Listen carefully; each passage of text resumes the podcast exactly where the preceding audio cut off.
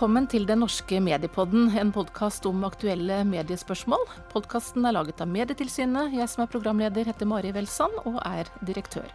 Og I dag skal vi snakke om NRK, og om hva det innebærer å være allmennkringkaster, og hvordan NRK oppfylte oppdraget sitt i 2018.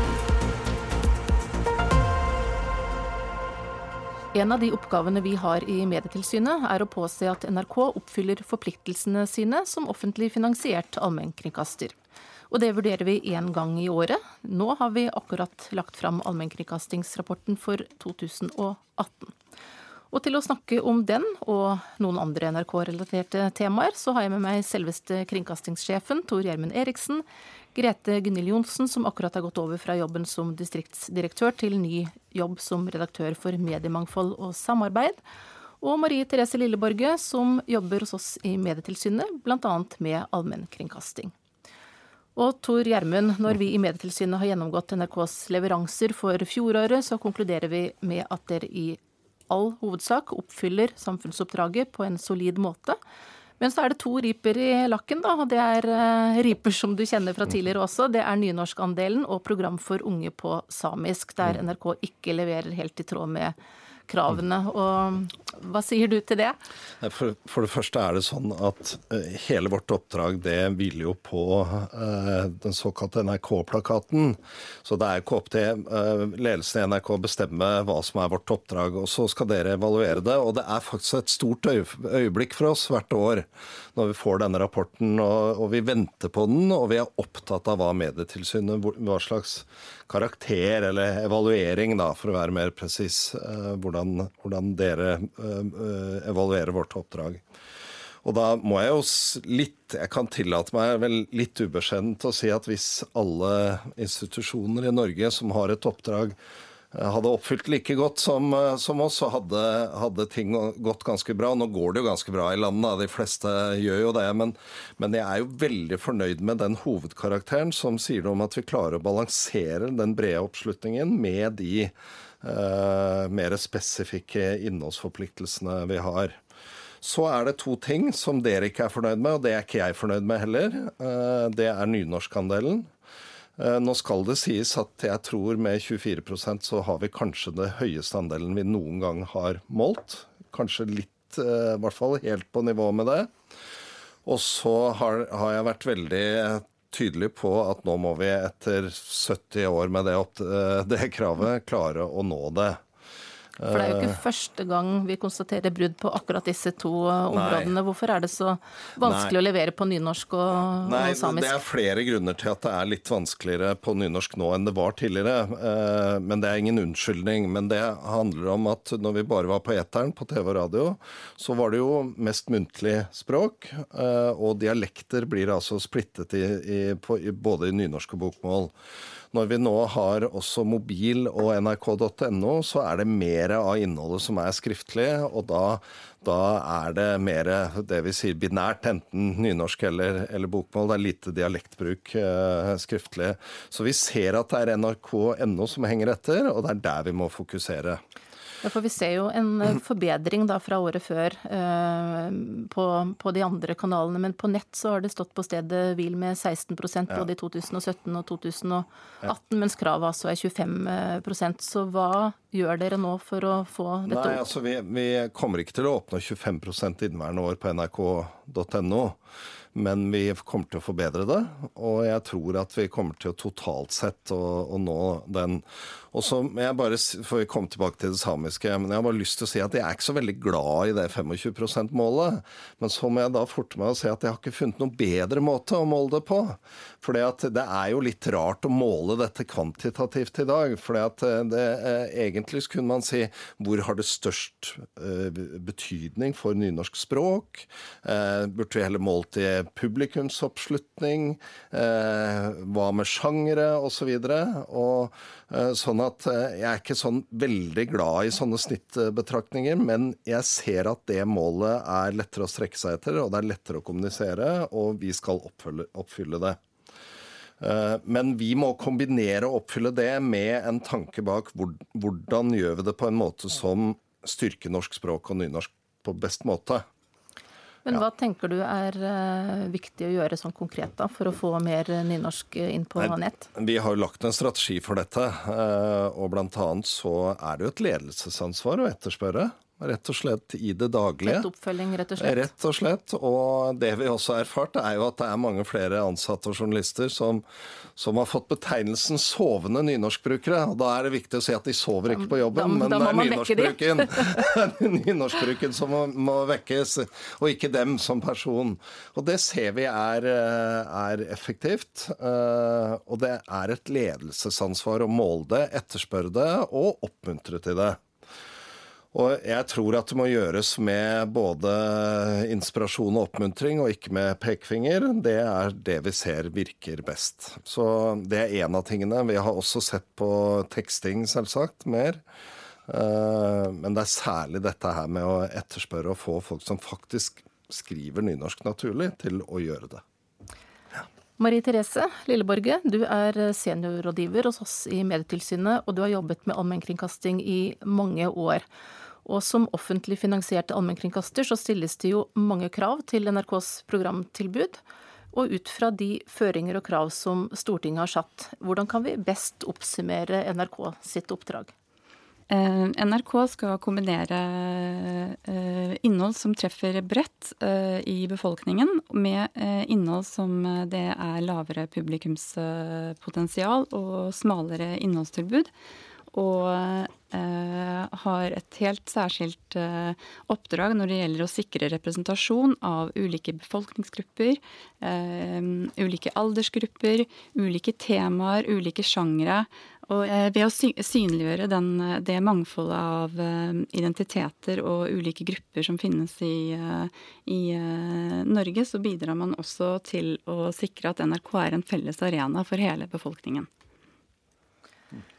Så når du eh, går gjennom, eh, for du eh, er jo den hos oss som har et hovedansvar for det, og går gjennom det som NRK har gjort foregående år, og måler det rett og slett opp mot alle de kravene som, som står i vedtektene, hva er det du først og fremst ser etter da?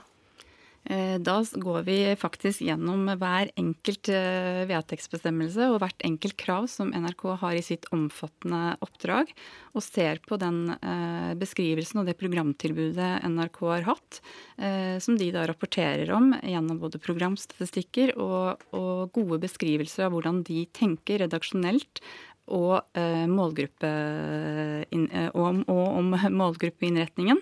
Eh, NRK gjør jo bl.a. Ulike undersøkelser i referansegrupper og i befolkningen som gjør at de søker å tilpasse sitt tilbud, slik at man når ut til grupper som kanskje benytter seg mindre av eh, nyhets- og aktualitetstilbudet, f.eks.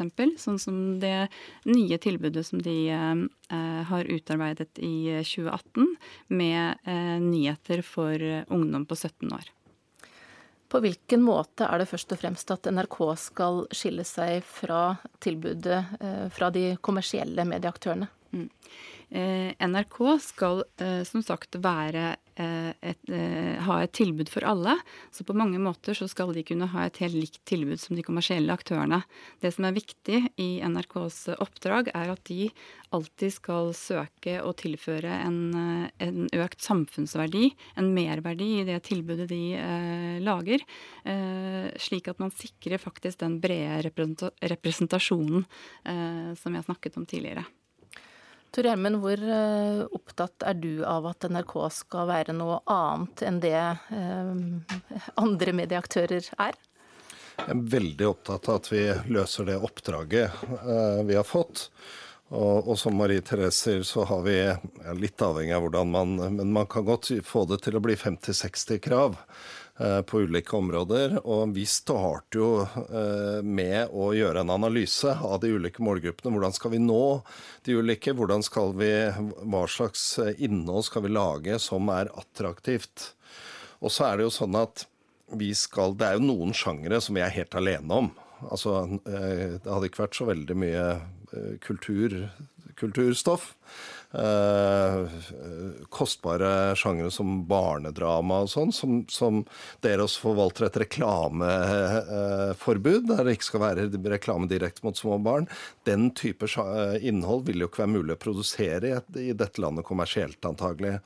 Så vi har også en del sjangere som bare vi er. Så jeg er veldig opptatt av at vi oppfyller det oppdraget, og at vi dermed er fundamentalt annerledes enn noen av de uh, andre aktørene. Men vi må også ha mulighet til å ha den brede, samlende funksjonen for å kunne nå fram med det smale, akkurat som det ble sagt her. Marie Therese, for 2018 så er jo NRKs allmennkringkastingsoppdrag utvidet. Blant annet så har NRK fått et selvstendig ansvar for å bidra til det norske mediemangfoldet. Og hva betyr egentlig det? Det betyr først og fremst at NRK skal oppfylle samfunnsoppdraget sitt, eh, som jo er eh, den måten og den forventningen samfunnet har til at NRK skal bidra til innholds- og bruksmangfold. Eh, og så har Stortinget sagt at det også innebærer at NRK skal sørge for å samarbeide med andre medieaktører, både nasjonalt og regionalt. Og, og sist også eh, tenke på at de har et ansvar for at, eh, deres, at NRKs aktivitet ikke er, til, eh, ikke er til hinder for andre aktører i det norske mediemarkedet, altså svekker mediemangfoldet. Det siste skal vi komme litt tilbake igjen til, men Tor Gjermund først. Hva tenker du er NRKs viktigste bidrag til mediemangfoldet i Norge? Nei, Det aller viktigste bidraget er jo det som akkurat ble sagt nå. Det er at vi oppfyller vårt oppdrag og beholder en posisjon hos publikum. Fordi det er en forutsetning for alt samarbeid også. Hvis NRK i utgangspunktet ikke hadde løst det oppdraget, og ikke på egne ben hadde en både stor tillit og bred posisjon og sterk relasjon til publikum. Altså At vi var en svak allmennkringkaster, da ville vi også vært helt uinteressante å, å, å, samarbeide med om, å dele innhold med og, og, og gjøre ting sammen med. Så det er en forutsetning. Og så er det å kjenne bransjen, ha dialog med bransjen. Men det er litt tildekkende når vi snakker om NRK på den ene siden og resten av bransjen på den andre siden. Det er 200 mediebedrifter i Norge, og heldigvis så er det veldig mange ulike meninger om hva de trenger. Eh, sånn at eh, som NRK som én stor aktør, vi må ha en bred relasjon også til alle de andre aktørene, og fange opp at det er ulike ønsker og meninger og, og dialog. Mm. Og så har du nå rett og slett opprettet en ny funksjon som redaktør nettopp for mediemangfold og samarbeid, og det er en jobb som du har fått, Grete Gunhild Johnsen, mangeårig distriktsdirektør i NRK. Og hva slags oppgaver skal du gå løs på nå i din nye jobb? Ja, men for å si det sånn, aller først, det er jo ikke sånn at NRK eh, akkurat nå skal begynne å samarbeide med norske mediebedrifter. Det er jo sånn at NRK har samarbeidet og delt med norske mediebedrifter i mange år, egentlig. Det kjenner jeg jo fra jobben ute i distriktene. Der er det veldig mye godt samarbeid rundt omkring. Og alt dette er jo til det beste for publikum, er liksom tanken bak det. Men skal det bli mer nå? Ja. og så har jo, Dette begynte egentlig for vår del med at kringkastingssjefen for noen år siden inviterte til en dugnad. Inviterte norske mediebedrifter til en dugnad om eh, hva kan NRK bidra med til det norske mediemangfoldet, som uten tvil er under press i en global konkurranse. Og, så det som jobben min består i, det er jo å systematisere både det som er kommet fram gjennom litt dugnad og litt møter. Og jeg har starta med å ha en hel del møter med norske mediebedrifter, små og mellomstore og store, for å høre litt om hva er forventningen til det oppdraget NRK har fått. Og ikke bare det at vi skal bidra til norsk mediemangfold, men dette oppdraget ble jo forsterka da kulturministeren la fram i 1.4 mediestøttemeldinga med at NRK skal ta et selvstendig ansvar for journalistiske blindsoner, geografisk og tematisk. Og da når jeg er ute og snakker med andre mediebedrifter, så er jo mitt spørsmål til disse hva, hvordan kan vi løse dette oppdraget sammen for at det skal bli et bedre tilbud til publikum? For dette må, overbygninga her må være at publikum, det norske publikum skal ha bedre journalistikk tilbake. Har du fått noen gode svar da, da? Ja, jeg har fått fantastiske mange svar. Det har blitt veldig godt mottatt når jeg har vært ute. Jeg har hatt utrolig mange møter med både mediebedrifter, med Fritt Ord, med forskere, med premissleverandører i ulike sammenhenger. Og jeg har fått små ønsker, og jeg har fått store ønsker. Så en av de tingene, eller blant de tingene vi skal gjøre nå i høst, hvis jeg skal, eller hvis jeg skal summere opp det som er gjennomgående i de svarene jeg får, så, det, eh, så ønsker de seg hjelp til diverse kompetansebygging. Og så ønsker de seg hjelp til kvalitetsjournalistikk. så samarbeid om eh, journalistikk, rett og slett, ja, mellom NRK og andre aktører? Ja. Hvordan vi sammen kan styrke hverandre sånn at vi kan lage mer kvalitet til publikum. Og da er det viktig at dette skal gi mangfold og ikke enfold. Og det er noe som NRK er innstilt på å bidra med, gå i den type samarbeid? Absolutt. Absolutt. Og vi har allerede satt i gang Nå har vi prøvd å lande litt mindre og praktiske prosjekter. Da. Til høsten så inviterer vi mediebedrifter vil vi komme til å gjøre, til å ha moro i NRK-arkivet. Lære små bedrifter, små mediehus rundt omkring hvordan man kan grabbe ting fra NRK sitt arkiv og lage god journalistikk ut av det som mange kaller for nasjonens eh, historiebok. Vi kommer til å invitere inn til en innovasjonsdag med NRKs utmerkede utviklingsavdeling, som vil dele litt med hvordan vi utvikler små og store videohistorier, spesielt som det mediehus ønsker seg. Vi kommer til å lage en podkastdag, hvor vi starter med hvordan man basic kan gå i gang med å lage podkast. Hva er publikum sine behov? Hva er publikum sine forventninger?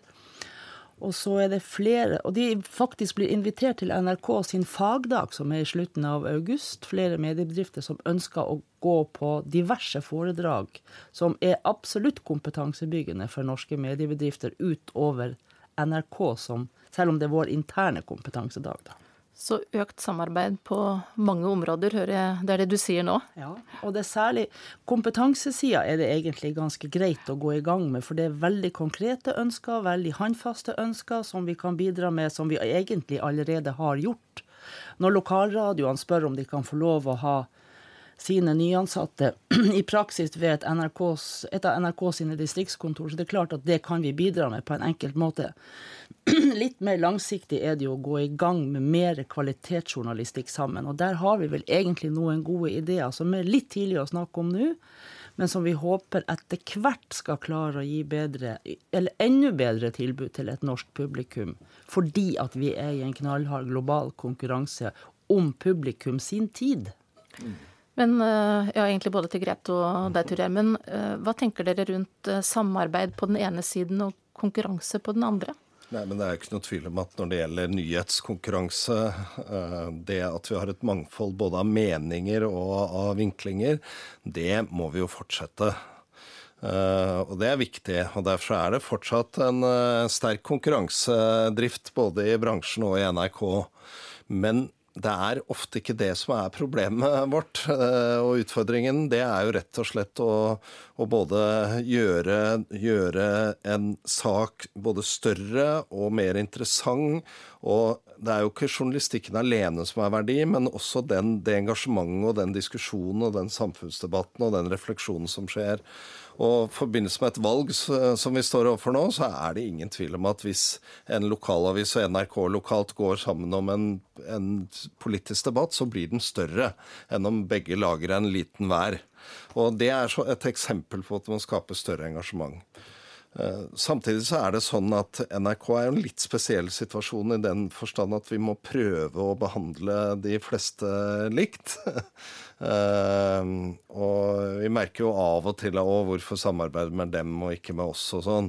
Og der er jeg veldig opptatt av at disse ideene og sånn får utvikle seg lokalt, og, og at ikke dette skal være sentralstyrt fra liksom, kringkastingssjefens side. da. Så om noen har en god idé et eller annet ja. sted rundt om i landet, så er det egentlig bare å ta kontakt og se om man kan få noe si. ut av det. Mm. Absolutt, det har vi allerede gjort. Og når Tor Gjermund snakker om dette med debattmangfold, så var jo det en av de tingene som ble grepet fatt i ekstra mye da, da han inviterte til en dugnad om hva NRK kan bidra med. Så ved valget for to år siden så hadde vi rundt 110 debatter i hele landet. Og de aller fleste av disse var i samarbeid med lokale og regionale mediehus. Og der er det like viktig for oss i en, i en mediemangfoldssammenheng at vi faktisk kan løfte fram lokale og regionale profiler inn i NRK sine debattsendinger, sånn at vi får stemmer fra hele landet. Det mener jeg er en vesentlig del av et mediemangfoldsbilde, spesielt i et valgår. Vi må litt tilbake igjen til eh, det som vi så vidt berørte i sted, eh, nemlig forholdet mellom NRK og de kommersielle aktørene. Og I fjor så gjorde vi i Medietilsynet en analyse nettopp av det, av NRKs bidrag til det norske mediemangfoldet, men også konkurransesituasjonen, og da spesielt eh, digitalt eller på nett mellom NRK og den kommersielle delen av bransjen. Og vår konklusjon da var at ja, som en stor aktør så påvirker selvfølgelig NRK konkurransen, men ikke på en måte som legger vesentlige begrensninger på de kommersielle aktørenes virksomhet. Tor Gjermund, det var mange i den kommersielle delen av bransjen som eh, oppfattet situasjonen helt annerledes da vi kom med denne rapporten i, i fjor. Eh, ett år etterpå, hva tenker du nå? Jeg, opplever egentlig at, vi, at, det var en bransje som var relativt avslappet, men at det var noen som hadde veldig sterke meninger om det. og da, da er det ikke tilfeldig at jeg bruker begrepet meninger, for eh, dette er jo noe vi har gått inn i også faktabasert. Eh, jeg har nesten hele mitt voksenliv jobba i kommersielle medier, før jeg begynte her for seks-syv år siden. Eh, og jeg tenker at Norge er jo et eksempel på et ganske lite land hvor vi har et veldig stort mediemangfold. Og faktisk eh, Vi har både et privat mediemangfold og vi har en godt uh, posisjonert offentlig finansiert allmennkringkaster. Og jeg tenker at det er viktig at en mediepolitikk har begge de perspektivene. NRK kan aldri utgjøre et mediemangfold alene, og de andre vi trenger også et norsk tyngdepunkt som, som en allmennkringkaster er. Og så er det jo rett og slett det i dag å begynne å tenke på at man skal regulere konkurransen, at hvis NRK hadde blitt svakere, så hadde det nødvendigvis gått til norske aktører. Det er det jo nesten vanskelig å tenke seg i dag, fordi i dag har vi en total global konkurranse. Så, så, vi skal ha veldig respekt for at det er tøffe tider i, i, den kommersielle delen av bransjen. Jeg er veldig opptatt av at de lykkes, men jeg tror ikke de ville lykkes bedre om vi startet med å svekke en velfungerende allmennkringkaster. Det vi gjorde da i den settingen der, det var jo å gå inn og se på om vi hadde siterings- og krediteringsregler som var gode nok.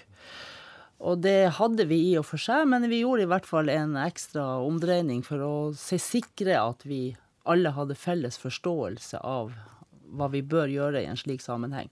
Vi har jo også justert vår nyhetsstrategi en smule ut ifra det at vi ser jo at NRK er en av de få mediebedriftene i Norge som er i stand til å løfte lokale historier til et nasjonalt publikum. Så vi har jobba veldig med kvaliteten vår på det området. Og hente historier fra den minste bygda, men gjør, det, gjør den så allmenngyldig at den når fram til et mye bredere publikum enn de 500 som bor i den bygda. Så på det viset så tenker jeg at hvis vi klarer å gå inn i mer eller fange opp flere gode ideer fra hele landet, så er det journalistikk nok til alle parter. Og, også fra den minste lokalavis til regionavisene, til NRK sine distriktskontor, til et nasjonalt publikum som attpåtil kan ende i debattstudio hos Fredrik Skavlan to dager etterpå. For det med sitering eh, var jo noe som en del eh, tok opp, og som for så vidt eh, av og til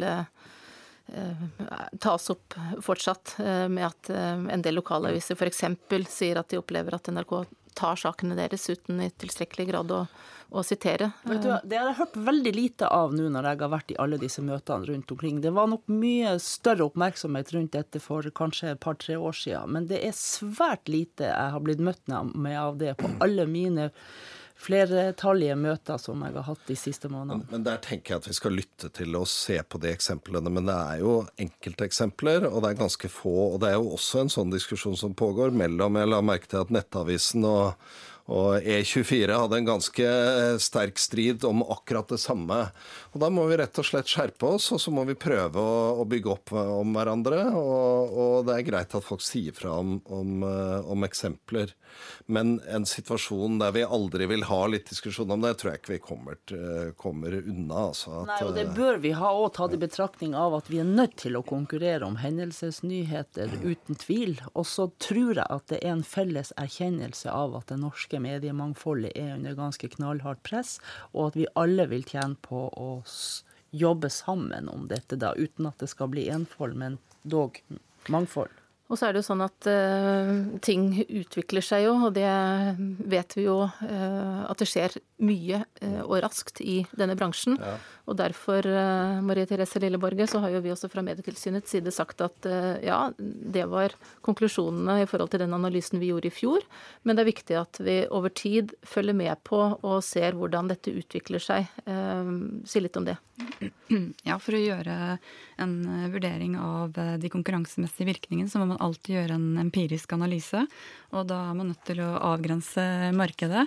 Og det er alltid et uttrykk for en nå-situasjon, eller den situasjonen man har når man analyserer. Uh, og det er noe man må følge over tid. Og det er jo også det man har sagt nå, når uh, Stortinget har bestemt at det skal uh, fastsettes fire år styringssignaler for de økonomiske rammene til NRK og, de, og, den øvrige direkte mediestøtten. Det skal jo gi økt forutsigbarhet både for NRK og egentlig også for så vidt for de andre kommersielle mediene. Og i den forbindelse så skal det også gjøres vurderinger av NRKs innvirkning eh, i eh, markedet, og gjøres vurderinger av om det trengs å gjøres justeringer i samfunnsoppdraget til NRK. Hva tenker du om det, Tor Emil? Nei, men jeg tenker at, eh, at det er jo en, en, løpende diskusjon, en kontinuerlig diskusjon. Eh, NRK er jo til for å gjøre et oppdrag, og, og, da er det rimelig at man ser på det. Men det er jo ikke sånn at NRK får sine penger og ingen andre får penger. Det er jo også en, eh, vi har jo også en politikk der staten eh, støtter opp under med momsfritak, verdi over to milliarder. Vi har produksjonsstøtte. Det er jo sånn at det er en realitet at norske stat og Stortinget og norske politikken i alle år har tatt et ansvar for det brede mediemangfoldet. Og så tenker jeg at ting endrer seg fort. Men det er jo sånn at jeg, jeg det er jo ikke lokalavisene i Norge som, som, eh, som NRK-sjef er opptatt av å konkurrere med. Der er jeg opptatt av samarbeidet. Der jeg er bekymret for vår posisjon. Eh, og det handler ikke bare om NRK, men faktisk om norsk kultur, norsk språk, eh, norsk drama. Det er jo i forhold til de enorme, store globale aktørene. Og det skal vi faktisk også snakke litt om, mm. fordi at det ser vi spesielt når det gjelder de unge. Mm. Eh, at de i større grad enn eh, befolkningen for øvrig eh, orienterer seg mot globale medieaktører, men også mot andre kanaler enn de redaktørstyrte mediene. Og hvordan forholder NRK seg til det? Nei, men jeg tror at det er For det første så er det sånn at, at dette setter oss overfor en mye tøffere konkurranse. Både Og den er litt annerledes enn tidligere. Det er ingen tvil om at forventningen hos publikum til kvaliteten på det innholdet vi lager, den er sterkt stigende. Og jeg er ikke sånn moralistisk eh, kommer ikke med moralistisk pekefinger at det er galt. De fleste av oss syns det er veldig fint både av Netflix og HBO. Det gir oss et tilbud og en mulighet til å velge. Måten vi må møte det på, er å sørge for at vi kjenner publikum i Norge best. Vi er mest relevant, relevant for den norske Det at vi kjenner oss igjen, at vi vet hva den norske publikummet trenger at kvaliteten går opp. Og så må vi også ikke undervurdere måten vi serverer innholdet på. For når du nevner unge, så er det jo både en bruk av teknologi og nye plattformer som vi må kjenne til, og som vi må benytte. Alle husker Skam. Det ville ikke vært mulig hvis NRK bare skulle brukt lineære TV-kanaler. Da hadde vi ikke nådd den gruppa. Publikum bruker jo så mye tid nå på medier som de aldri har gjort. Sånn at eh, det, uansett hvordan du snur og vender på det, så vil norske mediers forhold, eller bru, publikums bruk av norske medier, vil være knytta til at det er rett og slett en ren konkurranse om tida til folk. Hvis vi skal stikke oss fram og være interessant også for den oppvoksende generasjonen, så er vi nødt til å la kvalitet. Vi ser at kvalitet når fram. Ting som er interessant, og føles som om at det berører også den oppvoksende slekte oppvoksende generasjon, det blir brukt, og det må vi ta hensyn til. Og jeg må si at jeg er nesten en, som smått bekymra for norsk språk og kultur blant de unge som har venner som er over hele kloden, og like gjerne forholder seg til engelsk i det daglige som til det norske. Og der har den samla norsk mediebransje en kjempeoppgave foran seg. Og når du nå snakker både om unge og språk, da kom jeg på en ting som du slapp litt billig unna med i sted, Tor Gjermund, og det var nemlig program for unge på samisk. For det var det andre punktet der NRK ikke leverte ja. i tråd med kravene i fjor, så det må du også si litt om. Ja, ja og det det er, jo flere innganger. For først så skriver de jo noe veldig positivt om det òg, og sier at NRK har tatt tak i det. Og at hadde det vært andre halvår i fjor, så hadde vi nok oppfylt det. Ja, For det skjedde noe det, etter at vi ja, påpekte dette her også i 2017. Ja, og det syns jeg dere skal ta til dere òg. At vi, vi, leser det dere sier, og så tar vi tak i det.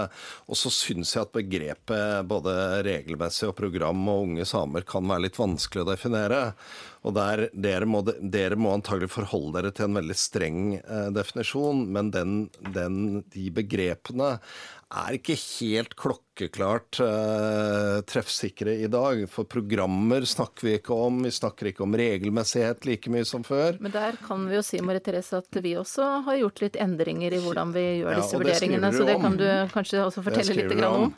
Ja, altså vi, har, vi anerkjenner at, mm. Eh, at, det er en utvikling her. Og derfor så skriver vi jo også at eh, det er ikke at det er lineære programmer som er det viktige. Tilbudet Eh, for at det skal ha en mening, og så må det faktisk nå den ja. gruppen som eh, det er programsatt for. Ja. Men det viktige er at det er et uh, tilbud som faktisk er regelmessig. Så er det podkast, altså ulike strømmetilbud, uh, så er det viktige er at det er en fornyelse av det tilbudet, og at det er noe som skjer gjennom et helt år, da. Mm. Og det, nå leverte vi andre halvår, og så får vi fortsette det. Så det målet kan vi eh, regne med at blir eh, oppfylt, eh, altså, eller kravet, dere, i, i, år? Dere bør jo egentlig regne med at alle mål som kravene i oppdraget vårt skal, skal løses. Og så vet vi at det er enkelte av de som ikke er løst bestandig, men, men i, i, dagens eh, medieutvikling da, så, så, er det en ganske god oppfyllelse av totale oppdraget vårt. Mm. Men, eh, men, vi har lagt merke til hva dere har sagt, og vi har lagt merke til det, det som ble sagt her nå, at det er eh, en, en litt fornyet tolkning. da. Mm. Men den andre siden, bare for å nevne det, det er nettopp det at uh, når det gjelder programmer for unge, så er det en litt snever uh, målgruppe. Det er ikke Hvis man på en måte definerer den for vidt, så undergraver man egentlig formålet med å ha disse egne kravene uh, for programsetning for henholdsvis barn og for unge. Det er da ungdomsgruppen. Ja, for hvis man utvider det, så kommer man inn i grupper som på en måte både er i andre livsfaser, ja, sånt, og som også det programsettes mye mer for i, uh, i, det generelle mediebildet. Hvis vi ser på 2018 under ett, uh, Tor Gjermund Eriksen, alt i alt i forhold til det som NRK leverte på alle sine kanaler, hva vil du si at du er mest stolt over i året som gikk? Nei, jeg er, uh, jeg er mest stolt over at vi klarer å opprettholde tilliten uh, i så stor grad. Uh, dette måler vi jo. Jeg vet at det er kanskje det Hvis vi skal bruke et uttrykk som NRKs forretningsmodell uh, Det som er en forutsetning for at folk skal bruke innholdet, og at innholdet vårt skal gjøre noe, da, være relevant, Eh, det er at eh, befolkningen i Norge har tillit til nyhetene. Det er sant det som sies der, at de har tillit til at vi har et godt tilbud til, til barn osv. Så, videre.